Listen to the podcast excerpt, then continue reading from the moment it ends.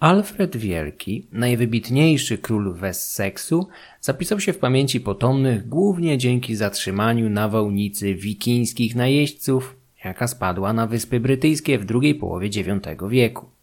Na tym jednak nie kończyły się dokonania władcy. Alfred dokładał wielkich, jak na ówczesne czasy, starań w celu podniesienia poziomu wiedzy i kultury w swoim królestwie. Sam tłumaczył z łaciny na staroangielski dzieła Orozjusza, Boecjusza czy Grzegorza Wielkiego. Chętnie zbierał też informacje o otaczającym go świecie, które następnie przelewał na pergamin. W ostatnich dekadach IX stulecia na dworze Alfreda zameldował się niejaki Oter z Halogalandu, kupiec i podróżnik wędrujący po Morzu Północnym.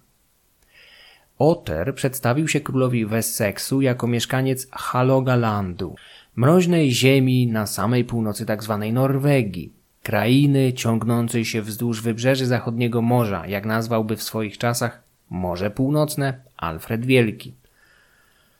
Norwegia oznaczała po prostu północną drogę, którą kupcy udawali się z południa na północ w okolice podbiegunowe do kraju Otera, aby nabyć drogocenne towary niedostępne w innych rejonach Europy.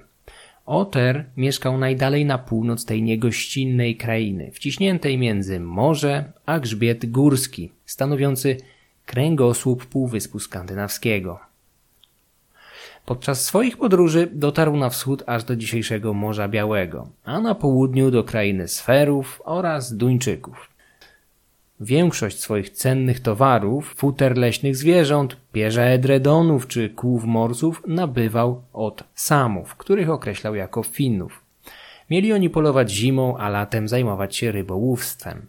Dom Otera mógł leżeć gdzieś w okolicy dzisiejszego Tromso, zaś jego relacja zawiera najstarsze znane wzmianki o terminach Northwake oraz Denamark, przez które dzisiaj rozumiemy Norwegię i Danię. Poznanie geografii tej krainy jest bardzo pomocne w zrozumieniu motywacji, jakie kierowały mieszkańcami Norwegii we wczesnym średniowieczu oraz możliwości, jakie zawdzięczali naturze. Norwegia była krainą rozwijającą się przez tysiące lat niejako na uboczu. Co prawda już w starożytności docierały tutaj rzymskie towary, ale pochodziły raczej z drugiej ręki. W relacji Otera Norwegia to długi, wąski pas lądu wciśnięty między góry a morze w najszerszym miejscu na południu osiągający blisko 100 km szerokości, następnie zwężający się do około 50 km w środku oraz zaledwie 5 km na północy, prawdopodobnie w jego ojczystym Halogalandzie. Niemal cała powierzchnia Norwegii znajduje się powyżej 500 metrów nad poziomem morza. Duże przewyższenia pozbawiły kraj spokojnych, spławnych rzek, umożliwiających żeglugę wewnętrzną. Do tego komunikacja lądowa ze względu na ukształtowanie terenu również była utrudniona poza nielicznymi wyjątkami. To zmusiło dawnych Norwegów do zaufania morzu. Pasmo górskie oddzielające ich ojczyznę od dzisiejszej Szwecji utrudniło migrację oraz handel. W efekcie mieszkaniec Norwegii miał często bliżej do wysp brytyjskich aniżeli południowych czy wschodnich rejonów Skandynawii. W kraju tym dominuje klimat morski, który dzięki wpływom Golfstromu jest łagodniejszy od wielu innych obszarów znajdujących się na tej samej szerokości geograficznej. W głębi lądu zaczyna dominować znacznie bardziej suchy klimat kontynentalny, objawiający się w zimach bardzo niskimi temperaturami. Historyczna Norwegia zaczynała się w okolicy Oslofjordu, kończyła zaś w Halogalandzie, rejonie sięgającym okolicy dzisiejszego archipelagu Lofotów. Tę rozległą krainę możemy podzielić na cztery części. Zacznijmy od północy. Halogaland, tłumaczony często jako kraj zorzy polarnej, był miejscem niegościnnym i rzadko zaludnionym, ale jednocześnie jednym z najbogatszych w tej krainie. Jego mieszkańcy, tacy jak Oter, trudnili się myślistwem, rybołówstwem i handlem. Sam Otter zapewniał króla Alfreda, że posiadał 600 oswojonych reniferów oraz znacznie mniej krów, świń i koni. Uprawa roli była marginalna w znaczeniu jego majątku. Głównym elementem bogactwa Otera z Halogalandu były polowania na wieloryby, podczas których pozyskiwał cenny tłuszcz, z ich skóry zaś robił liny.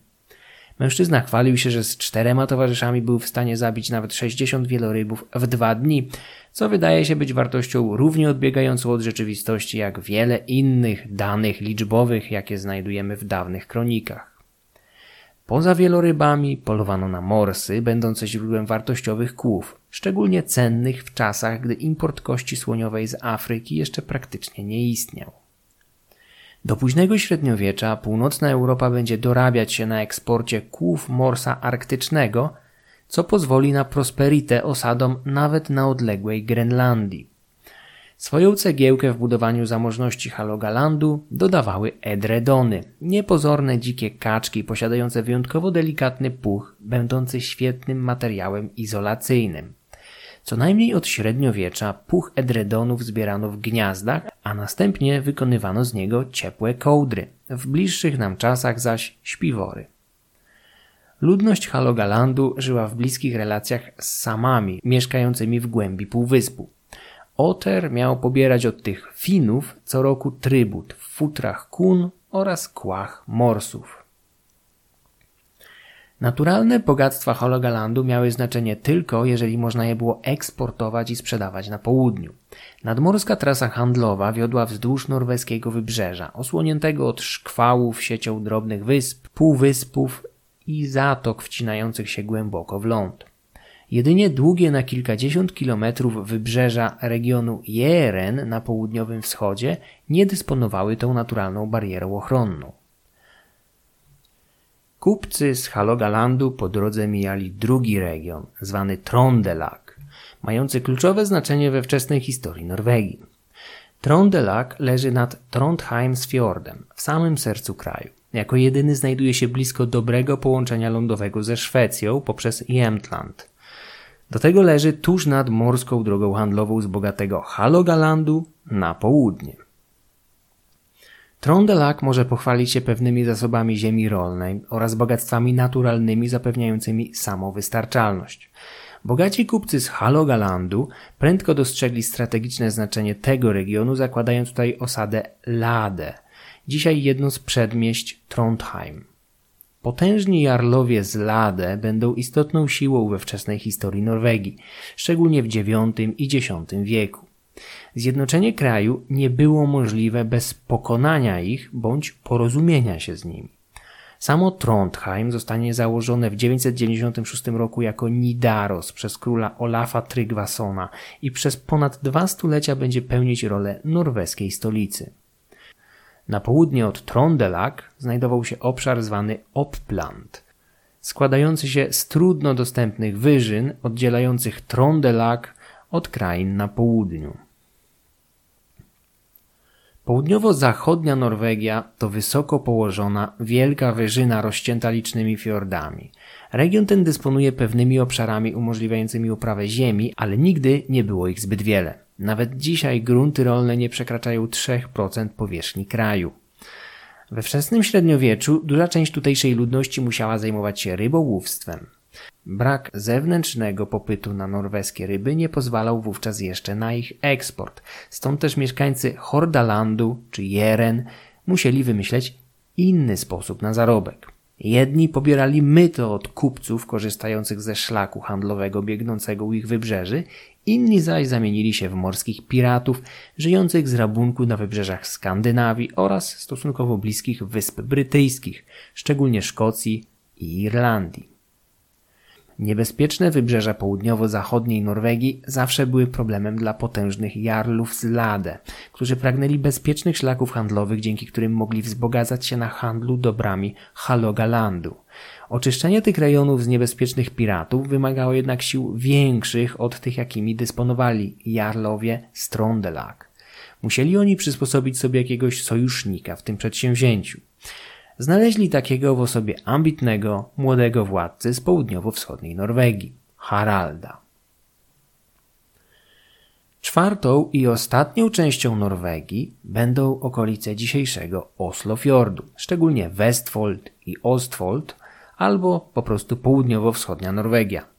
Liczne rzeki biegnące z wyżyn Opplandu wpadały do Oslofjordu, zwanego niegdyś Wikin, czyli zatoczką. Region ten dysponował rozległymi jak na warunki Norwegii obszarami rolnymi. Nie bez znaczenia było też położenie blisko cieśnin duńskich. To z Westfold pochodzić będzie władca, któremu zamarzyło się zjednoczenie całej Norwegii. Zamożna ludność rolnicza z Westfold była w stanie utrzymywać bogate rody książęce, czego dowodem są m.in. słynne znaleziska z Oseberg. W 1904 roku niedaleko farmy Oseberg rozpoczęto wykopaliska w jednym ze znaczniejszych miejscowych kurhanów. Kopiec mierzący pierwotnie zapewne 6,5 metra przez stulecia osiadł tak bardzo, że początkiem XX wieku liczył już sobie tylko 2,5 metra wysokości. Osiadająca ziemia w połączeniu z użytą do wykonania nasypu niebieskawą glinką stworzyła szczelną warstwę chroniącą statek, dary pogrzebowe oraz ciała zmarłych przed wpływem czynników środowiskowych. Dzięki temu archeologom ukazała się jedna z najlepiej zachowanych jednostek pływających z okresu wikińskiego. Bogato zdobiona dziobnica i tylnica łodzi z Oseberg stały się jednym ze znaków rozpoznawczych epoki. Badania dendrochronologiczne drewna z komory grobowej umieszczonej na pokładzie wykazały, że pochówek miał miejsce w 834 roku, ale sama łódź była o co najmniej kilkanaście lat starsza. Niektóre elementy drewniane złożone do grobowca mogły zaś pochodzić nawet z końca VIII wieku. Badania palinologiczne ustaliły czas pogrzebu na późne lato bądź wczesną jesień. Mierząca niemal 22 metry długości i 5 metrów szerokości łódź z Osebergu należy do modelu tzw. Tak Carvi, kształtem przypominającej nieco wykorzystywane do handlu dalekomorskiego knary. Carvi z Oseberg nie była jednak ani łodzią handlową, ani tym bardziej bojową. Większą część kadłuba wykonano z dębiny, nieliczne elementy z drewna bukowego, zaś maszt i pokład z sośniny. Jednostka ta została pomyślana jako królewski jacht, odpowiednik dzisiejszych luksusowych łodzi kotwiczących choćby na lazurowym wybrzeżu. Jej konstrukcja była zbyt delikatna, aby mogła przetrwać długodystansową podróż po otwartym morzu. Wykorzystywano ją więc zapewne do krótkich rejsów przybrzeżnych, jedynie przy dobrej pogodzie. Najwięcej kontrowersji wzbudzały postaci zmarłych, którymi były dwie kobiety. Jedna z nich, zapewne królowa, miała około 70 lat. Cierpiała na zaawansowany artretyzm i chorobę nowotworową, będącą najprawdopodobniej przyczyną jej śmierci. Do tego doskwierało jej rzadkie zaburzenie genetyczne, tzw. Tak zespół Morganiego Stewarta Morella, objawiające się m.in. grubieniem kości, otyłością i wirylizmem, czyli nadmiarem androgenów, męskich hormonów płciowych w organizmie. Starsza kobieta z Oseberg za życia przypominałaby mężczyznę, mogła mieć nawet rzadką brodę. Przepych, z jakim została pochowana, świadczył o jej wysokim statusie, co błyskawicznie zrodziło próby połączenia jej z którąś z lokalnych postaci historycznych. Najczęściej można spotkać się z hipotezą, że zmarła staruszka z Oseberg była królową Asą, matką Halfdana Czarnego oraz babką Haralda Pięknowłosego, pierwszego króla Zjednoczonej Norwegii. Obu mężczyzn poznamy wkrótce bliżej. Jeszcze więcej kontrowersji wzbudza jednak druga kobieta, znacznie młodsza od pierwszej. Z początku szacowano, że miała około 25-30 lat, ale nowsze badania ustaliły jej wiek na okolice 50. Analiza genetyczna przeprowadzona w pierwszej dekadzie XXI wieku pozwoliła ustalić jej mitochondrialną haplogrupę na U7, charakterystyczną dla ludów zamieszkujących Kaukaz oraz wybrzeża Morza Czarnego, co samo w sobie było niemałym zaskoczeniem. Problem w tym, że żadne z późniejszych badań nie potwierdziły tej rewelacji i w tej chwili nie wiemy, czy próbka nie była po prostu zanieczyszczona nowszym DNA, być może od jakiegoś badacza, co w przypadku badań kopalnego DNA jest częstym problemem. Przez całe stulecie uważano, że młodsza kobieta była służącą starszej i została razem z nią złożona do grobu w charakterze ludzkiej ofiary, mającej towarzyszyć swojej zmarłej pani. Hipotezy te miały uprawdopodobnić ślady połamanych obojczyków młodszej kobiety, które interpretowano jako ślady mordu rytualnego. Nowsze badania podważyły jednak te interpretacje, gdyż udało się znaleźć ślady trwającego przynajmniej kilka tygodni gojenia złamanych obojczyków. Być może młodsza kobieta przeżyła jakiś wypadek, może spadła ze schodów. W każdym razie same obojczyki nie świadczą o jej gwałtownej śmierci. Niemożliwość uzyskania DNA obu kobiet w nowszych badaniach nie pozwala na ustalenie ich wzajemnego stopnia pokrewieństwa. Obie jednak miały podobną dietę, bogatą w mięso, co było wówczas rzadkością. Stąd wnioskujemy, że obie musiały należeć do elity. Ewentualnie młodsza, nawet jeśli była służącą staruszki, musiała dzielić jej wysoki standard życia. Na zębach młodszej z kobiet odnaleziono ślady pozostawione przez metalową wykałaczkę, co również było w owych czasach anomalią. Większość wykałaczek wykonywano z tańszych materiałów, jak drewno, róg czy kości zwierząt. Poza zmarłymi kobietami na pokładzie łodzi znajdowały się także ciała licznych zwierząt, wśród nich szczątki 14 koni.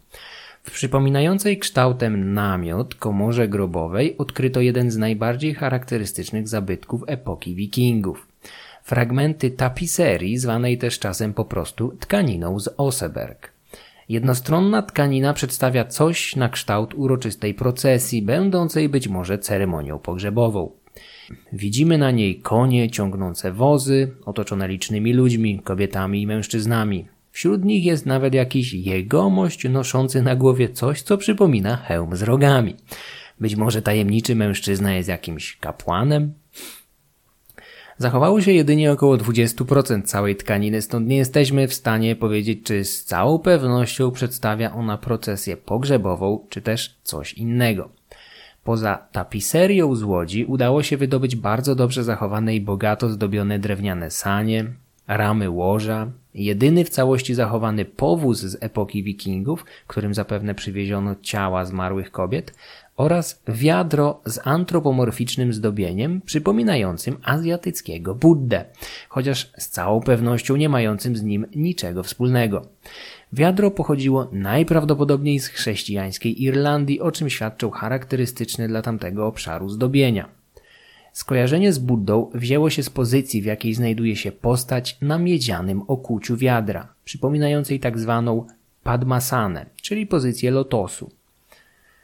Do naszych czasów nie zachowały się kosztowności ani przedmioty wykonane z cennych metali. Archeolodzy zapewne nie byli pierwszymi, którzy dostali się do środka. Istnieją ślady wskazujące na celowy wykop dokonany w drugiej połowie X wieku. Wtedy zapewne z grobowca zniknęły cenniejsze przedmioty wykonane z metali.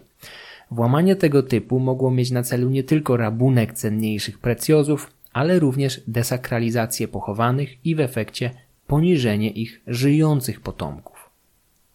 Mógł to być więc akt polityczny.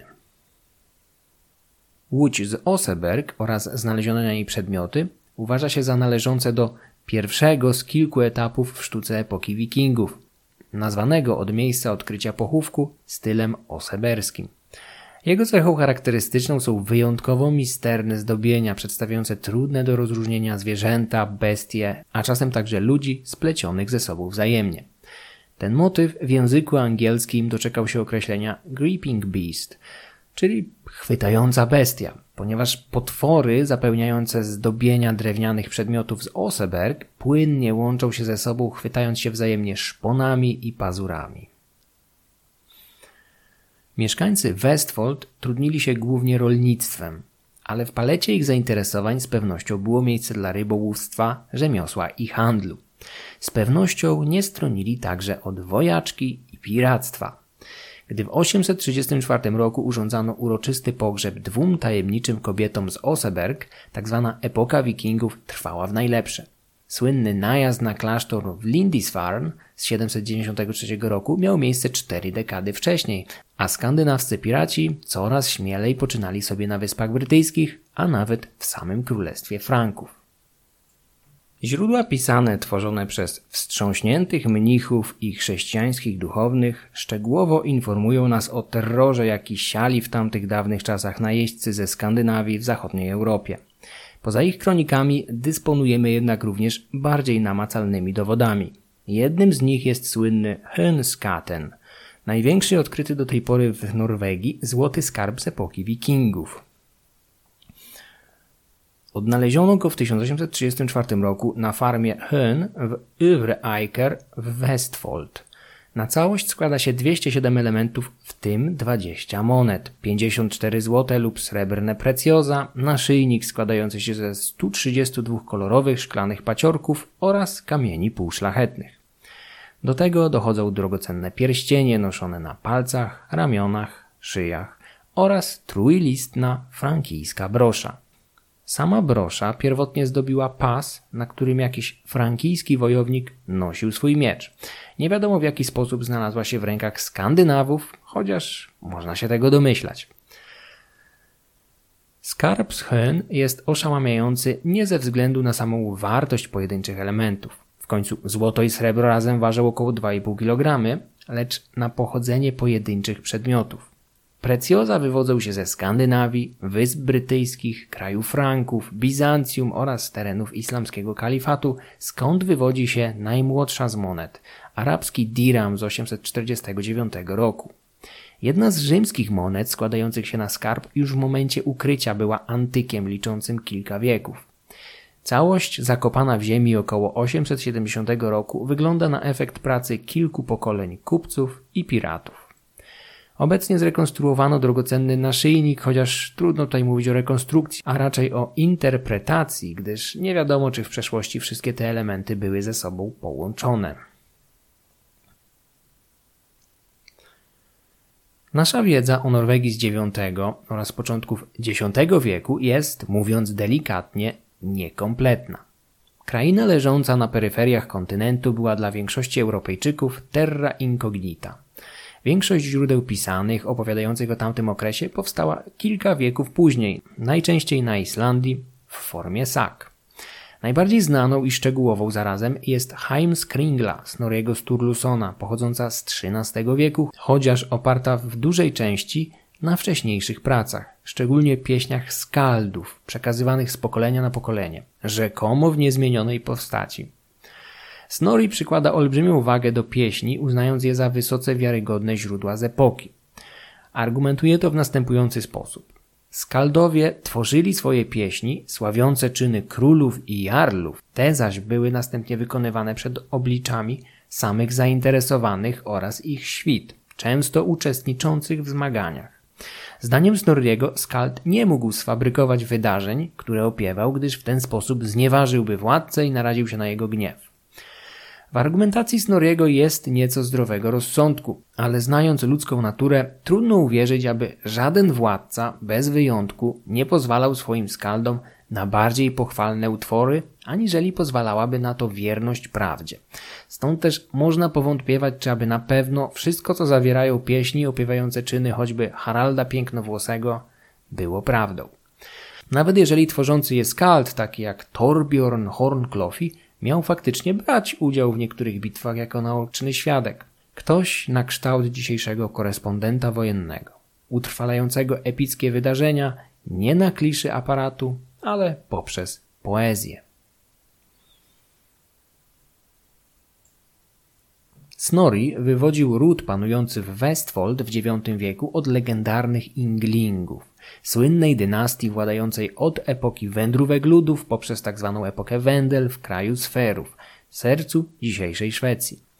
To z nich miał wywodzić się legendarny król Ingvar, który nieszczęśliwie poległ w ziemi Estiów, a którego archeolodzy łączą coraz częściej z odkryciem pochówku kilkudziesięciu szwedzkich wikingów zabitych podczas walk na estońskiej wyspie Sarema około 750 roku.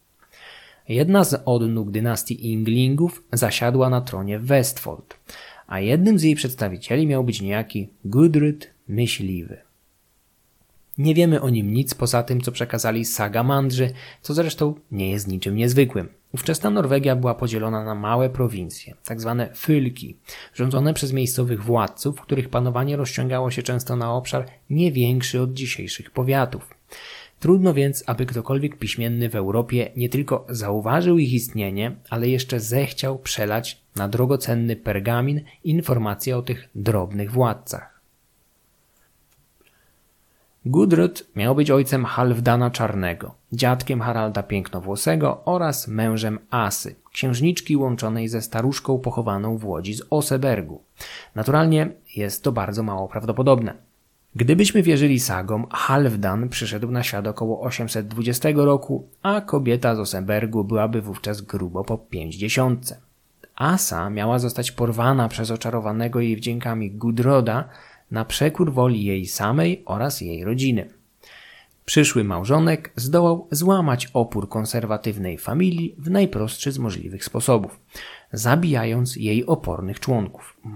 Asa miała urodzić swojemu małżonkowi syna, któremu nadano imię Halfdan, oznaczające półduńczyka. Po śmierci ojca, spowodowanej według tradycji machinacjami Asy, małoletni Halfdan wychował się w krainie Agder pod opieką matki i tej części jej rodziny, która przetrwała zaloty morderczego Gudroda. O Halfdanie wiemy tylko tyle, ile przekazały nam sagi. Miał być, jak przystało na władcę, wysoki, silny i dzielny. Jego kruczo-czarne włosy stały za przydomkiem czarnego, nadanym mu przez jego współczesnych. Halfdan Czarny miał zostać władcą około 18 roku życia, a całe jego dorosłe życie upłynęło pod znakiem walk z wrogami tak wewnętrznymi, jak zewnętrznymi. Wśród tych drugich szczególnie wyróżniał się Gandalf, król Wingulmörk, Halfdan najczęściej wychodził z tych lokalnych wojen zwycięsko, stopniowo rozszerzając swoje panowanie nad urodzajnymi ziemiami leżącymi w rejonie dzisiejszego Oslofjordu. Kres życia Halfdana nastąpił zupełnie przypadkowo, gdy król był ciągle w pełni sił. Pewnej wiosny wracał na saniach z uczty w Hadalandzie. Jechał przez skute lodem jezioro Rykinsvik, dzisiaj znane jako Randsfjorden, gdy pod jego saniami załamał się lód. Halfdan miał utonąć wraz ze sporą częścią swojej świty w lodowatej wodzie. Wiosenną porą przemieszczanie się po zamarzniętym jeziorze samo w sobie było dość niebezpieczne. Na dodatek w tym miejscu znajdował się wodopój dla zwierząt gospodarskich, a pozostawione przez nie łajno swoim ciepłem dodatkowo topiło lód. Halfdan w chwili śmierci około 860 roku miał mieć 40 lat. Za życia był bardzo szanowany przez poddanych, którzy uważali, że ich władcy sprzyja szczególne szczęście danemu przez bogów. Jego oznaką miały być wyjątkowo duże plony, jakie rodziła ziemia pod rządami Halfdana. Po jego zgonie ciało wyłowiono z jeziora, ale wśród poddanych pochodzących z różnych stron królestwa doszło do konfliktu, gdyż każdy chciał pochować go w swojej dzielnicy, aby zapewnić szczęście i urodzaj w swoich własnych stronach. Ostatecznie zdecydowano się na kompromis. Ciało króla poćwiartowano na cztery części. Głowa spoczęła w kurhanie w Ringariki, zaś pozostałe części złożono w innych miejscach pod tak zwanymi kopcami Halfdana. Halfdan miał dzieci, wśród nich dwóch synów o imieniu Harald. Jeden z nich miał być tym, który w niedalekiej przyszłości zjednoczy Norwegię. W tym miejscu narracja Snorriego przybiera co prawda na szczegółowości, ale wraz z większą ilością danych nie zawsze podąża wiarygodność. Przede wszystkim islandzki Sagamandr stara się na siłę połączyć Haralda poprzez jego rzekomą matkę Ragnhildę z królewską rodziną panującą w Danii, a tym samym wywieść pochodzenie od Gorma Starego, ojca Haralda Sinozębego. Problem w tym, że Gorm Stary przyszedł na świat około 900 roku, gdy Harald Pięknowłosy był już dojrzałym mężczyzną, być może mającym nawet około pięćdziesiątki. Musimy więc zignorować oficjalną genealogię propagowaną przez Snorriego, prawdopodobnie ze względów politycznych, aby połączyć ze sobą dynastie panujące w Norwegii i Danii. Harald z pewnością nie był w żaden sposób związany z duńską dynastią panującą, gdyż takiej jeszcze wówczas w Danii nie było. Zjednoczenie tego kraju to melodia odległej przyszłości, która wybrzmi nie prędzej aniżeli w pierwszej połowie X wieku. Poprawne datowanie pierwszych dekad panowania Haralda, jego zwycięstw, małżeństw i narodzin jego dzieci jest tematem wykraczającym poza ramy tego materiału. Na polskim rynku na szczęście jest monografia Witolda Chrzanowskiego o tytule Harald Pięknowłosy, Król Wikingów, dzięki której możecie zagłębić się w spowite mrokami początki państwa norweskiego. Książkę polecam, była jedną z kilku lektur wykorzystanych podczas pracy nad tym odcinkiem. Harald przyszedł na świat około 850 roku. Został zaś osierocony przez Halfdana 10 lat później. Młodzieniec miał zostać od razu okrzyknięty królem Westfold w miejsce swojego tragicznie zmarłego ojca, lecz był jeszcze zbyt młody, aby sprawować władzę samodzielnie. Pomógł mu w tym Gutorm, brat jego matki Ragnhildy. Wuj Haralda zaczął w jego imieniu dowodzić królewskim Hirdem. Hird był czymś na kształt elitarnej drużyny wojowników bądź straży przybocznej jarla lub króla. Wojowników z Hirdu łączyły osobiste więzi z wodzem, któremu byli winni dozgonne posłuszeństwo i lojalność w zamian za hojne wynagrodzenie. Król obdarzał wojowników ziemią, kosztownościami, ubraniami z pięknych tkanin oraz jadłem i napitkiem podczas uczt w halach. Podczas bitwy oczekiwano, że członkowie Hirdu odwdzięczą się swemu dobroczyńcy walką. Sam Hird wywodził się jeszcze ze starożytnych germańskich drużyn otaczających wodzów. Pomimo zmian nazwy, tradycje tej instytucji sięgały wielu wieków wstecz. Na kraj błyskawicznie spadli sąsiedzi gotowi wyrwać choćby kawałek domen zmarłego Halfdana. Harald musiał prędko dorosnąć, chwycić miecz i poprowadzić swoich ludzi. Prędko okazało się, że młodzieniec odziedziczył przymioty swojego ojca nieustępliwość, wojowniczość i bezwzględność. Zdołał odeprzeć inwazję sąsiadów, w tym przede wszystkim króla Gandalfa i jego synów. Z czasem zaś przeszedł do kontrofensywy i kolejno jedno za drugim podbił zagrażającemu sąsiednie prowincje. W Heimskringli Snorri uważa, że katalizatorem dla planu podboju Norwegii był dla Haralda zawód miłosny. Młodzieniec mając jakieś 16 lat miał upodobać sobie niejaką Gydę, córkę Erika, króla Hordalandu. Wysłał więc do niej swoich ludzi, aby poprosili ją o rękę. Dumna dziewczyna miała ku zaskoczeniu posłańców szorstko odrzucić zaloty i ofertę mariażu. Gyda z lekceważeniem odniosła się do Haralda, określając go jako dzielnicowego króla, niczym nie różniącego się od wielu jemu podobnych. Oznajmiła, że wyjdzie za niego, gdy zdoła on zjednoczyć ziemie norweskie, tak jak inni skandynawscy królowie. Eryk w Szwecji i Gorm Stary w Danii. Oczywiście w tym miejscu po raz kolejny trafiamy na anachronizm w postaci Gorma Starego, władcy Danii, którego nie było jeszcze na świecie, gdy Harald zalecał się do Gydy. Jest to radosna twórczość Snorriego, który zapewne nie mógł w pierwszej połowie XIII wieku zdawać sobie sprawy z lat życia i panowania dawnych władców Skandynawii z dokładnością nawet zbliżoną do tej, jaką dysponujemy dzisiaj. Poza tym Sagamandr starał się dodać do swojej sagi elementy romantyczne, które wespół z magią zawsze podobały się słuchaczom. Nie lepiej jest z postacią szwedzkiego króla Eryka, rzekomo władającego w tym kraju w IX wieku, który nie istnieje w żadnych źródłach poza tymi pochodzącymi z późnośredniowiecznych islandzkich sag. Harald miał przyjąć odmowę Gydy z zaskakującym u szesnastolatka opanowaniem i rozsądkiem. Stwierdził nawet, że dziewczynie należy się podziękowanie za wskazanie mu ambitnego celu w życiu. Z miejsca złożył przysięgę, że nie umyje, nie uczesze ani nie zetnie swoich długich, gęstych włosów dopóty, dopóki nie zjednoczy pod swoim panowaniem całej Norwegii. W tradycji miało to trwać nie dłużej niż dekadę. Rzeczywistość zapewne była mniej spektakularna. Harald miał dotrzymać postanowienia, a jego długie, niezadbane, skołtunione włosy miały mu przysposzyć pogardliwy przydomek Haralda Kołtuna. Jak było naprawdę, nigdy się nie dowiemy, ale wątek dumnej Gydy można włożyć między bajki. Harald nie zabrał się za podbijanie sąsiadów tylko dlatego, aby zdobyć względy jednej z wielu księżniczek. Gdyby naprawdę zależało mu na dziewczynie, to postąpiłby jak jego dziad Gudred i po prostu by ją porwał. Ofensywa młodego władcy musiała mieć bardziej pragmatyczne podłoże i realne wsparcie silnych sojuszników. Siły samego Westfoldu oraz sąsiednich ziem nie byłyby w stanie po kolei podbić wszystkich sąsiadów z północy i południowego zachodu.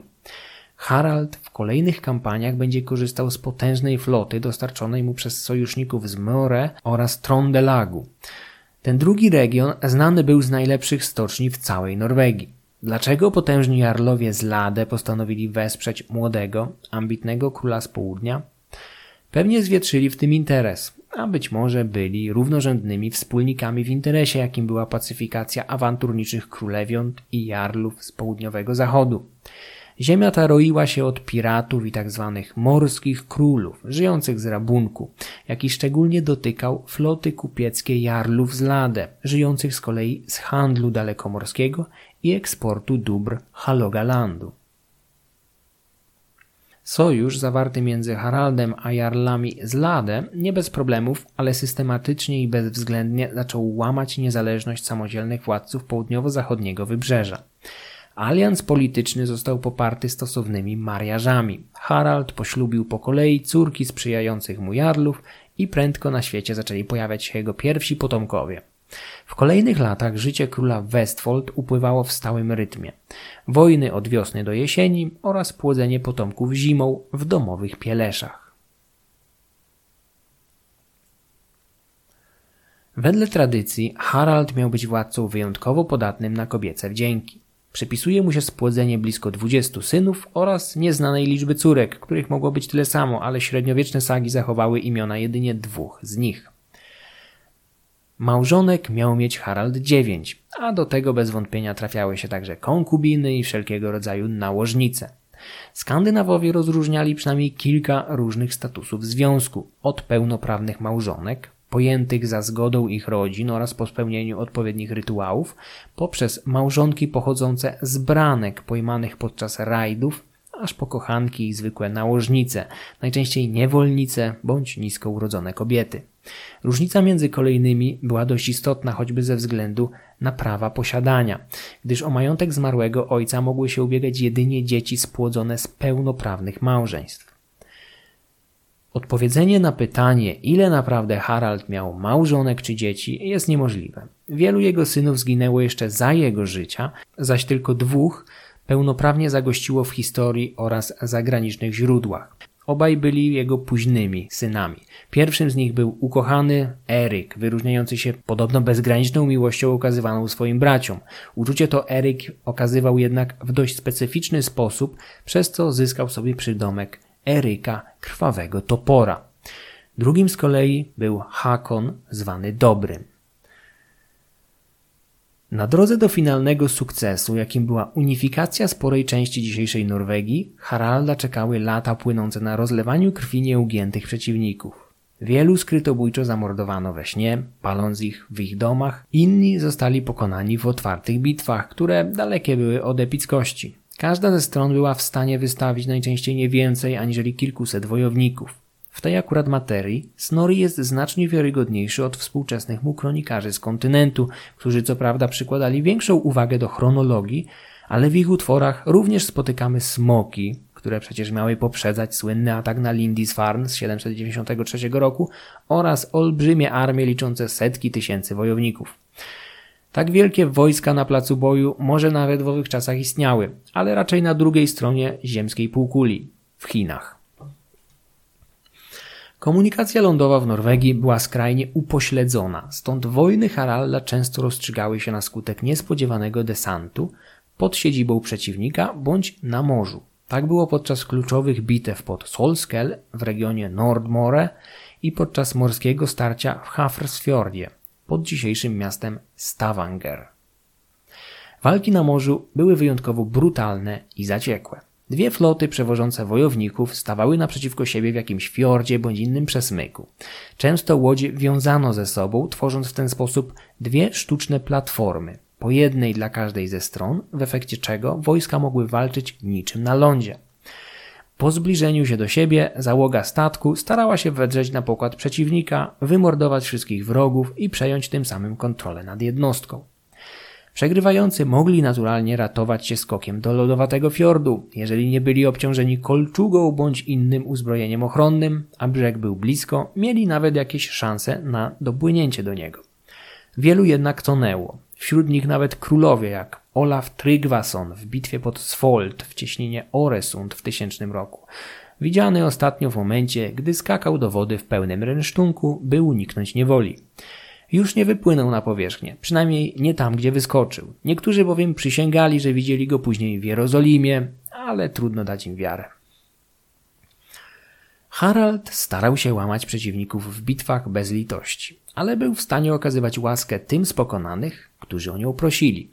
Po jednym z pierwszych zwycięstw pod Orkdal w południowym Trondelagu władca Westfoldu oszczędził swojego przeciwnika, Grytinga, który zgodził się przyjąć zwierzchnictwo Haralda.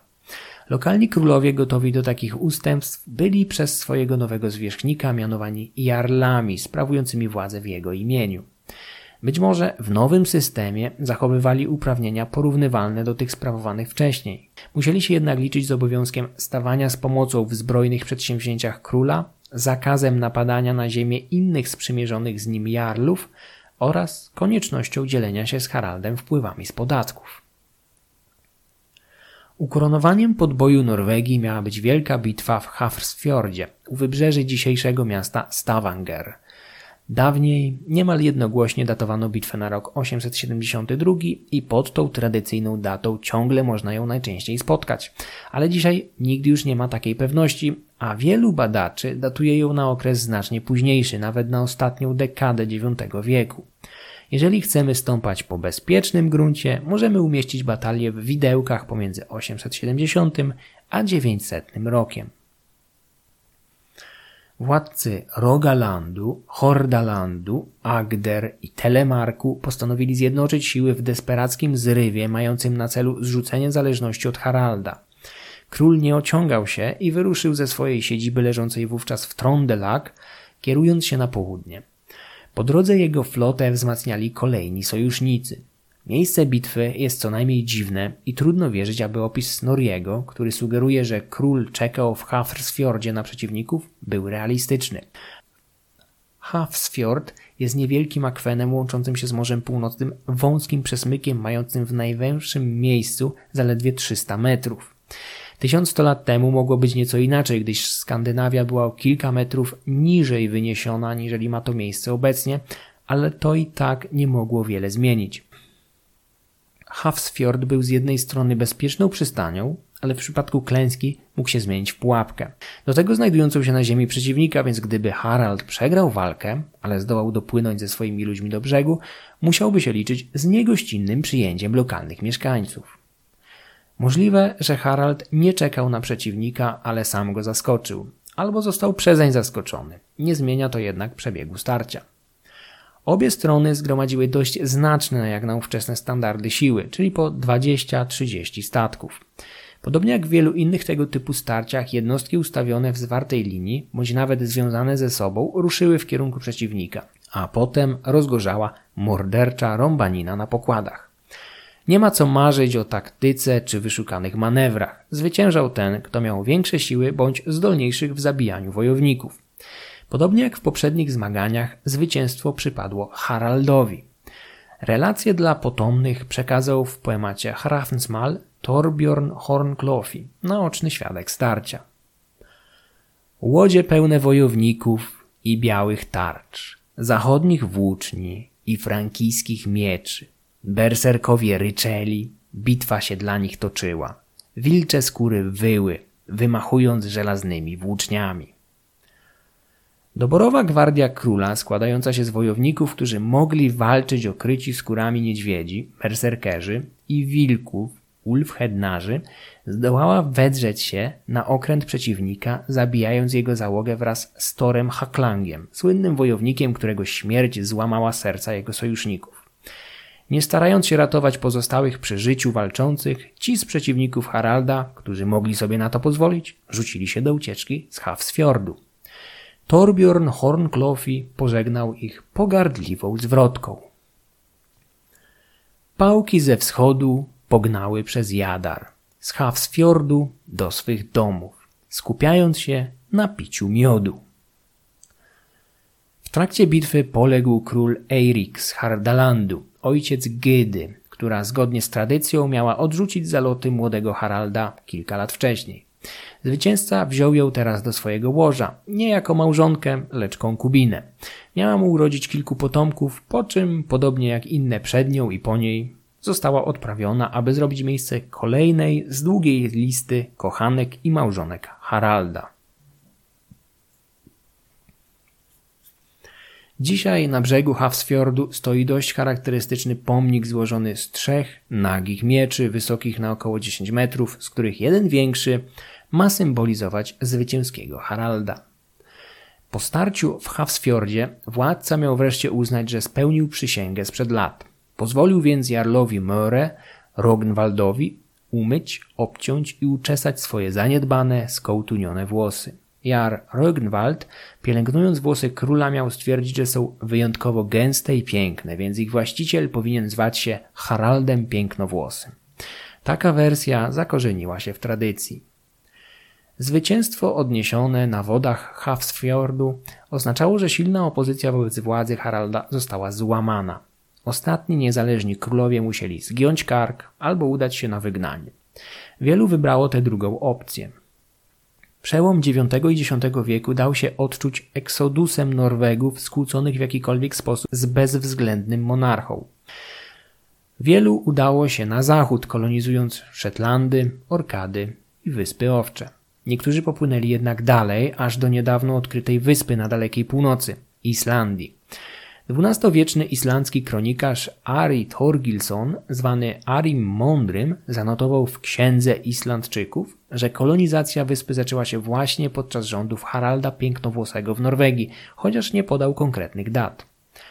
Król nie pozwalał swoim poddanym na uprawianie piractwa wymierzonego w innych mieszkańców podległych mu ziem. Karą za złamanie tego zakazu była banicja. Według niektórych średniowiecznych przekazów w ten sposób do opuszczenia swojej ojczyzny został zmuszony niejaki Hrolf Piechur, który odważył się najechać jakąś osadę wbrew woli Haralda. Wiele lat później, w 911 roku, już na wygnaniu, Hrolf zostanie Rollonem, pierwszym księciem Normandii.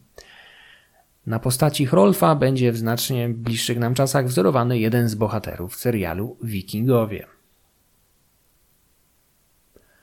Z okresu bitwy w Hafsfjordzie pochodzi datowana na okolice 890 roku łódź z Gokstad, będąca szczytowym osiągnięciem szkutnictwa epoki wikingów. Odkryta wewnątrz Wielkiego Kurhanu w 1879 roku zachowała się w bardzo dobrym stanie z tych samych powodów co łódź z pobliskiego Osebergu. Duże znaczenie miała szczelna warstwa izolacyjna utworzona przez masę niebieskawej glinki charakterystycznej dla tego obszaru. Jednostka z Gokstadt również należała do typu zwanego Karwi, ale była większa od odpowiedniczki z Osebergu oraz przystosowana do rejsów na wzburzonych wodach Morza Północnego, a nawet Atlantyku. Mierzyła ponad 23 metry długości i nieco ponad 5 metrów szerokości, wykonana niemal w całości z dębiny, natomiast pokład i wiosła powstały z sośniny. Łódź z Gokstadt ma bardzo masywną stępkę oraz znacznie wyższe burty, dzięki czemu jej załoga mogła w przeciwieństwie do poprzedniczki z Osebergu zaryzykować udanie się na otwarty akwen nawet podczas burzy. Aby zapobiec dostawaniu się wody do środka jednostki, jej budowniczowie przygotowali nawet drewniane zatyczki idealnie pasujące do otworów na wiosła. Łódź była napędzana siłą mięśni 32 wioślarzy siedzących na drewnianych skrzyniach ale na pokładzie znajdowało się miejsce dla 60-70 osób. Archeolodzy natrafili także na 64 pozostałości drewnianych tarcz, co może sugerować, że na łodzi mogło znajdować się dwa razy więcej wioślarzy, którzy zmieniali się w momencie, gdy pierwsza zmiana opadła z sił. Odkąd wyciągnięto łódź z Gokstad na światło dzienne, starano się połączyć ją z jakąś historyczną postacią żyjącą w drugiej połowie IX wieku w Westfold. Naturalnie do dzisiaj nie udało się znaleźć w tej materii konsensusu, stąd potężnie zbudowany mężczyzna odkryty w komorze grobowej za masztem musi pozostać anonimowy. Był w piątej dekadzie życia, miał ponad 1,81 m wzrostu, a sądząc po skali pochówku, z całą pewnością był postacią nieprzeciętną. W grobowcu towarzyszyły mu zwłoki 12 koni, 8 psów, dwóch jastrzębi oraz dwóch pawi. Obecność tych egzotycznych ptaków wyraźnie dowodzi, że nawet południowa Norwegia miała wówczas kontakt z północnymi odnogami jedwabnego szlaku. W końcu paw nie jest zwierzęciem endemicznie występującym w Skandynawii. Przy mężczyźnie znaleziono także trzy mniejsze łodzie, namiot, drewniane sanie oraz uprząż jeździecką. Nie odkryto natomiast broni oraz przedmiotów z drogocennych metali. Przyczyną byli najprawdopodobniej średniowieczni rabusie grobów, którzy, podobnie jak w łodzi z Osebergu, naruszyli także pośmiertny spokój zmarłego z Gokstadt. Pierwsza nowożytna replika łodzi z Gokstadt, zwodowana początkiem lat 90. XIX wieku w Norwegii, w 1893 roku przekroczyła Atlantyk, a następnie, korzystając z sieci amerykańskich rzek, dotarła do Chicago i Nowego Orleanu. Jeżeli przyjmiemy, że bitwa pod Hafsfjordem miała miejsce około 890 roku, to Harald zdołał zdławić opór w Norwegii mając około 40 lat. Snorri pisze, że mniej więcej wtedy do głosu zaczęli dochodzić coraz liczniejsi synowie władcy, z których wielu było już dorosłych. Granica dorosłości w ówczesnej Skandynawii przebiegała gdzieś pomiędzy 12 a 14 rokiem życia, o czym świadczą nie tylko źródła pisane, ale również archeologia. Badania izotopu strątu w szkieletach wykazują, że osoby zmarłe mające więcej niż 12 lat znacznie częściej były grzebane z dala od miejsca urodzenia i wychowania, co może oznaczać, że osoby te stawały się po prostu bardziej niezależne i wyruszały w dalsze podróże. Poza tym, mniej więcej w tym wieku w pochówkach zaczynają się pojawiać przedmioty kojarzone z dorosłymi, jak na przykład broń. Około czterdziestki Harald z pewnością był już dziadkiem. Jego najstarsi synowie coraz natarczywiej domagali się udziału we władzy oraz własnych domen, mając za złe ojcu, że obsadził w najważniejszych prowincjach zaufanych jarlów. Harald zaczął stopniowo wydzielać kolejne prowincje swoim ambitnym potomkom. Nie zdołał jednak uśmierzyć wszystkich konfliktów, ponieważ zawsze dla kogoś zabrakło ziemi albo ktoś poczuł się urażony mniej zaszczytnym przydziałem. Niektórzy z młodszych synów, zamiast władzy w prowincjach, otrzymali kilka statków z załogami oraz ojcowskie błogosławieństwo na drogę.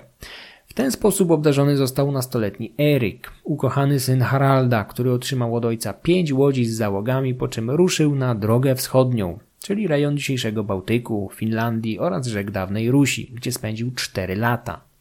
Następnie rabował wybrzeża Danii, Fryzji, Wysp Brytyjskich. Powrócił po latach otoczony sławą bezwzględnego i nieustraszonego wodza i z miejsca zaczął siać ferment w ledwo zjednoczonej Norwegii. Eryk cieszył się z nie do końca wyjaśnionych przyczyn niemal bezgranicznym zaufaniem starzejącego się ojca, który brał jego stronę w konfliktach z innymi braćmi oraz jarlami. W toku tych rodzinnych waśni z ręki Eryka zginęło przynajmniej dwóch braci wymienionych z imienia oraz kilku innych anonimowych. W śmierci jednego z nich maczał palce także sam Harald, tłumacząc swój udział chęcią ukarania krnąbrnego potomka, który zaczął parać się magią, co brzmi jako bardzo powierzchowne i grubymi nićmi szyte wytłumaczenie synobójstwa, sprowokowanego zapewne bardziej przyziemnymi powodami. Gdy król przekroczył pięćdziesiątkę, kraj był zarządzany przez jego synów oraz zaufanych jarlów, a konflikty stopniowo narastały. Sam władca obrał za siedzibę ubogi, ale strategicznie ważny południowo-zachodni region Norwegii, ten sam, który przysporzył mu najwięcej problemów z racji buntowniczości zamieszkujących go wodzów. Wydaje się, że król zostawił zaufanym jarlom oraz synom mniej ryzykowne prowincje, jak ojczysty Westfold czy sprzymierzony Trondelag, sam zaś kontrolował sytuację w Hordalandzie i jego sąsiednich prowincjach. Król, nawet w podeszłym wieku, nie zaniechał płodzenia kolejnych potomków, co było w sumie dość rozsądne, biorąc pod uwagę, że część z jego synów zdążyła już opuścić ten świat. Jeden z licznych związków Haralda zachował się w sagach, chociaż z czasem przybrał charakter baśniowy. Podczas obchodów Jul, święta zimowego przesilenia, władca miał zostać zaproszony do chaty przez jakiegoś sama, Swaziego, który w innych wersjach był po prostu olbrzymem, Jotunem. Podczas odwiedzin uwagę Haralda przykuła wyjątkowo piękna córka Swaziego, Snefrid, która jeszcze wzmogła jego pożądanie, wręczając mu puchar miodu. Władca gotów był posiąść Snefrid jeszcze tej samej nocy, ale Swazi nie wyraził na to zgody, żądając, aby Harald poślubił ją jako pełnoprawną małżonkę, nie zaś konkubinę, której dzieci nie będą mogły po nim dziedziczyć. Król przystał na warunki Swaziego. Miał spędzić ze Snefrid kilka bardzo szczęśliwych lat, aż do czasu, gdy kobieta zachorowała i zmarła. Załamany Harald popadł w otępienie, czuwając przez dwa lata przy ciele ukochanej, która nie okazywała śladu rozkładu. Jeden z bystrzejszych jarlów, przeczuwając jakiś magiczny podstęp, postanowił wyrwać władcę z katatonii i zaoferował, że zmarła nie może ciągle leżeć w starych szatach, w których pożegnała się ze światem. Król przystał na propozycję, a gdy tylko podniesiono jej ciało, miało się ono błyskawicznie rozpaść na kawałki, a na zewnątrz wypłynęła zgnilizna, żaby, węże i wszelkie tałatajstwo, jakie tylko można było sobie wyobrazić. Osłupiały Harald zerwał się z obrzydzeniem i zrozumiał, że padł ofiarą czarów. Baśniowa historia naturalnie jest zmyślona, ale nie pozbawiona swojego uroku. Pokazuje również stosunek do Samów czy też Finów, jaki panował wśród Norwegów. Saga bez fińskiego czarodzieja to nie saga, a w opowieściach o Haraldzie Pięknowłosych mamy takich magicznych Finów przynajmniej kilku. Synowa Haralda, Gunhild, będąca małżonką Eryka Krwawego Topora, również była posądzana o konszachty z fińskimi czarnoksiężnikami, co zawsze było odbierane pejoratywnie. Wspomniałem już o jednym z synów Haralda zamordowanym rzekomo ze względu na paranie się czarami uwłaczającymi mężczyźnie. Posądzanie kogoś o czary w tamtym społeczeństwie, szczególnie mężczyzny, miało na celu zniszczenie jego reputacji. Harald został obdarzony bardzo długim życiem. Prawdopodobnie zmarł dopiero po osiemdziesiątce. Podeszłym wieku zdołał jeszcze spłodzić ostatniego syna, Hakona, który w przyszłości stanie się zagorzałym przeciwnikiem przyrodniego brata, Eryka Krwawego Topora, którego zastąpi na tronie Norwegii. Młody Hakon miał zostać przekazany na wychowanie królowi Anglii, Atelstanowi, który zadbał o zakorzenienie chrześcijaństwa w młodym Norwegu. O poselstwie wysłanym przez Haralda do króla Atelstana wspomina XII-wieczny angielski kronikarz William z Malmesbury, który jest w ten sposób jednym z niewielu źródeł spoza Skandynawii wspominającym o pierwszym królu Norwegii. Hakon, zwany później Dobrym, miał zostać w przyszłości pierwszym chrześcijańskim królem Norwegii, chociaż rzeczywista chrystianizacja tego kraju przyspieszy dopiero pod koniec X wieku pod rządami Olafa Tryggvasona, zaś skończy się, tak jak większość tego typu procesów, dopiero w późnym średniowieczu. Harald pragnął przekazać tron Erykowi, co w końcu się udało, ale nie bez problemów. Najprawdopodobniej zbyt długo zwlekał z tym, aż do momentu, gdy był tak stary i schorowany, że w zasadzie mało kto przykładał większą uwagę do jego zdania. Około osiemdziesiątki, niedołężny i niezdolny do podróżowania, przekazał władzę Erykowi, co być może wynikało z prawa, znanego później na Islandii, a być może wywodzącego się z Norwegii, zabraniającego osobom po przekroczeniu tego wieku sprawowania realnej władzy, czy nawet podejmowania decyzji finansowych.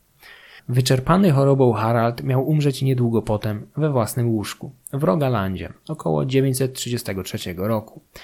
Został pochowany w kurhanie Haugar, lokalizowanym obecnie w miejscowości Haugesund. Nawet jeżeli w tutejszym kurhanie pochowano Haralda, nie zachowały się tego żadne ślady. Być może więc grobowiec został zdewastowany w późnym średniowieczu, z pewnością istniał jeszcze w 1218 roku, gdy widział go na własne oczy Snorri Sturluson, odwiedzający wtedy Norwegię. Islandzki Sagamandr swoją Heimskringlą wystawił zmarłemu Haraldowi pomnik trwalszy od wszystkich ziemnych kopców. Wewnętrzne konflikty tlące się dotychczas w świeżo zjednoczonej Norwegii Inglingów wybuchły po śmierci Haralda z nieposkromioną siłą. Eryk odziedziczył po ojcu odwagę i bezwzględność. Nie miał jednak tych cech jego charakteru, które pozwalały Haraldowi przeciągać na swoją stronę pokonanych wrogów oraz zdobywać nowych sojuszników. Eryk został zapamiętany jako okrutny zabijaka. W pewnym momencie wygnany z własnego kraju udał się na Wyspy Brytyjskie, gdzie przez krótki czas był nawet królem Northumbrii. Według Heimskringli miał być wysokim i przystojnym mężem, silnym i niezwykle odważnym, wielkim wojownikiem, zwycięskim w boju, porywczym, ponurym i skąpym w słowach. Nie zdołał przekonać do siebie ludzi tak jak Harald, który według Snorriego miał być niedościgniony w sile, wzroście i urodzie. Był szczodry i jego ludzie go kochali. Był też wielkim wojownikiem za młodu.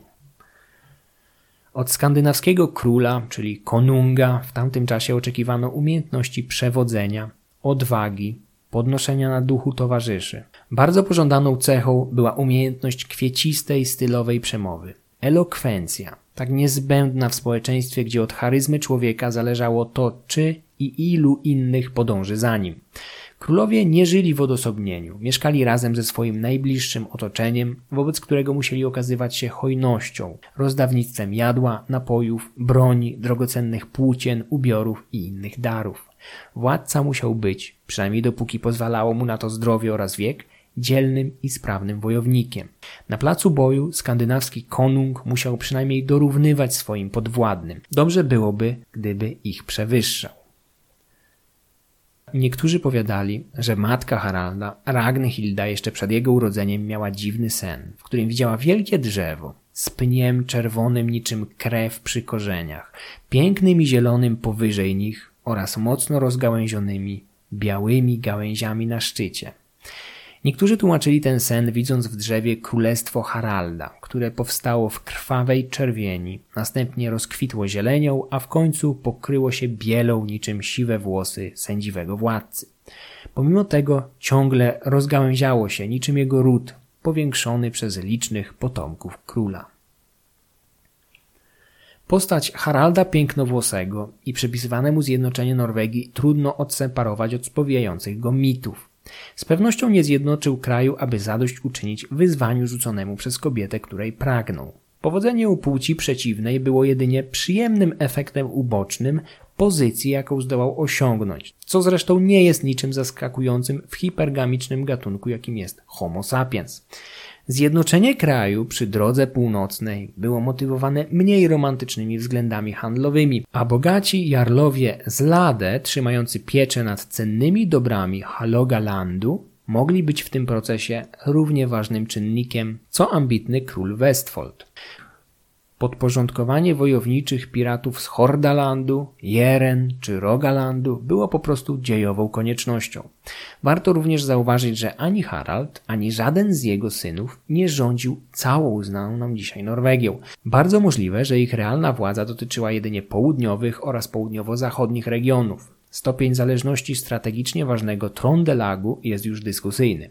Dzisiaj można bezpiecznie założyć, że Harald był jedynie tym, który rozpoczął długi, rozciągnięty na stulecia proces jednoczenia Norwegii. Treść przygotował i przeczytał Michał Kuźniar. Wszystkie wykorzystane źródła znajdziecie w opisie odcinka oraz w filmie na YouTube. Podcast Mroczne Wieki można wspierać na patronite.pl łamane na Mroczne Wieki. Serdecznie dziękuję wszystkim patronom, a szczególnie patronce Magdalenie. Filmy będące ekranizacją audycji można oglądać i komentować na YouTube, do czego wszystkich serdecznie zachęcam.